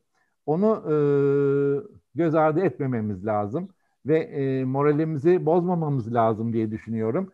Gelecek çünkü sizlerde. Geleceği, gelecek sizin tarafınızdan yönlendirilecek, sizin tarafınızdan e, yol gösterilecek. Bence çok güzel bir şey yapıyorsunuz. Yapmaya devam ediniz lütfen. E, bundan sonra başka panellerde de görüşmek üzere. Size sevgiler ve saygılar. İzleyicilerce çok çok teşekkür ediyorum. Eklemek istediğiniz son cümleler varsa e, alabilirim. Teşekkürler her şeyden önce. buyurun buyurun Metin Bey. Teşekkür ederim. Ben programa e, katıldığım için çok mutluyum. Çok da güzel bilgilendik. E, programın teknik e, ve sizin moderatörünüze de çok teşekkür ederiz. Emeğe geçen arkadaşlara teşekkür ederiz. Ben teşekkür ederim. Hepinize iyi akşamlar diliyorum. Sağ olun. Ben de teşekkür ederim. Ee, Nihal Hanım'ı da Ferit Bey'i de biraz daha yakından tanıdığıma çok memnun oldum. Bu bir fırsat oldu benim için de. Nihal Hanım sizin bağlarınızdan tükettim bir süre Mustafa aracılığıyla. Ee, gerçekten çok çok güzel e, bal üretiyorsunuz. Ee, dayanın, direnin. Ee, ne zaman destekleşebilirsek e, biz buradayız. E, iletişimde olalım. E, beraber projeler üretelim. Neler yapabiliriz konuşalım. E, çok teşekkür ederim. Ferit bir şey söylemek ben alayım mı? Ben, tabii, de, tabii, yani, ben bu sefer en sona kalmak istemiyorum. Tamam. Ferit de bitiririz. ee, Buket Hanım ben teşekkür ederim sevgili Ferit Metin Bey, Hasan Bey. Sizleri ben ilk defa tanıyorum. Çok memnunum, çok mutluyum açıkçası. Çünkü bu bölgede gerçekten çok yalnızız. Hani gıda toplulukları olur, şunlar bunlar olur, farklı insanlar olur. Bizim bölgemiz ne yazık ki bu konuda biraz hiç iyi değil. İnşallah bu konularda çalışıyorum hani bir şeyler yapayım diye ama ben de biraz pasif kalıyorum. Buket Hanım size önerim Artvin'in e, Yusufeli ilçesi var. Oranın evet, biliyorum. E, çok severim. Oranın şeyi, ekolojisi e, yumuşak bir iklim. Biz oraya Angus Çok. getirmiştik. Oradan biliyorum. Yaylalar köyü vardı mesela 3200 metre yükseklikte rakımda. O Anguslara orada baktım. Muhteşem bir doğası var. Mesela o Yaylalar çok güzel. Muhteşem. Hem insanları da muhteşem. Şey de çok evet, güzel. Çok çok. Coğrafyası inanılmaz güzel.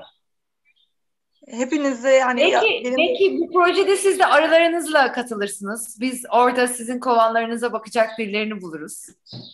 Bilmiyorum bakalım ben aralarımı kimseye emanet edemem. bir çocuğum bir arılarım. o zaman sizi de bekleriz bir yerleşkemize diyeyim. konuşalım tabii ki konuşalım. Ben son olarak şunu söylüyorum. İnşallah e, hani biz ne zaman şey yapacağız Türkiye'nin emek verenleri, gerçek çiftçileri, üreticileri e, bizi yönetenler bizim ürettiğimiz ürünleri ithal etmekten vazgeçerlerse bir gün o zaman bizim değerimiz anlaşılacak. Yani bizi gerçekten değerimizi öyle bilen insanlar olsun çevremizde. Ve insanların e, çevremizi geliştirmemiz lazım. İnsanların bakış açısını değiştirmemiz lazım. Anlamalarını sağlamamız lazım. Gerçekten emekle olduğunu hani domatesin e, şeyde markette üretilmediğini göstermek lazım. Evet. Bu kadar uzatmıyorum. Tamam. Ferit son cümleyi senden alıyoruz. Ben de son olarak e, yani şunu söylemek istiyorum. Hani evet tabii şikayet ediyorum filan. Hani kendim e, şikayetlerimiz var ama bir yandan da e, şimdiye kadar ve daha öncesinde de e, bilmeden, farkında olmadan aslında idealist üretim yapan e, bir sürü de üretici var. Ama e, işte evet biz e, ben de okudum, ettim, işte bir görgüm var, bir yerleri gördüm filan. E, ve bunun farkına vardım ve bundan bir e, bir şekilde bir ticaret yapabildim veya bir yerlere ulaşabiliyorum veya birileri beni bulabiliyor. Ama e, bu şekilde bulunamayan veya bunun farkında olmadan ama gerçekten kalbinde yani hiçbir şekilde o zehri e, bahçesine, tarlasına, hayvanına vermeyen e, insanlar var. Yani onlara da haksızlık olmasın. E, bu hani bir şekilde hepimizin ayıbı. Yani onların e, güzel ben hep onu çok üzülüyorum. Yani zeytinyağında da öyle, sütte de öyle. Şimdi bunlar karışıyor ya sütler filan. Ya adam o kadar güzel bir süt üretiyor. Gerçekten yukarıda tepede yani e, 1200 metre rakımda hani e, zaten oraya soyalı, mısırlı bir yemin çıkması çok mümkün değil. Yani patikayla gidiyor ama hani onun ürettiği o güzel süt de maalesef e, o büyük balk e, süte karışıyor. E, yani var böyle idealist üreticiler e, bilmeden, farkında olmadan kalbinden geliyor, içinden geliyor. E, yani onlara da haksızlık etmeyelim. E, umarım e, onları da birileri bulur, kendileri farkına varır. E, yani onu söylemek istedim son olarak. Çok teşekkür ederim. Tekrar sizlere değerli katkılarınız için çok teşekkür ediyorum. Sizleri tanımaktan çok mutlu oldum. İzleyicilere de izledikleri için çok teşekkür ediyorum. İyi akşamlar diliyorum. İyi akşamlar. İyi akşamlar. İyi akşamlar.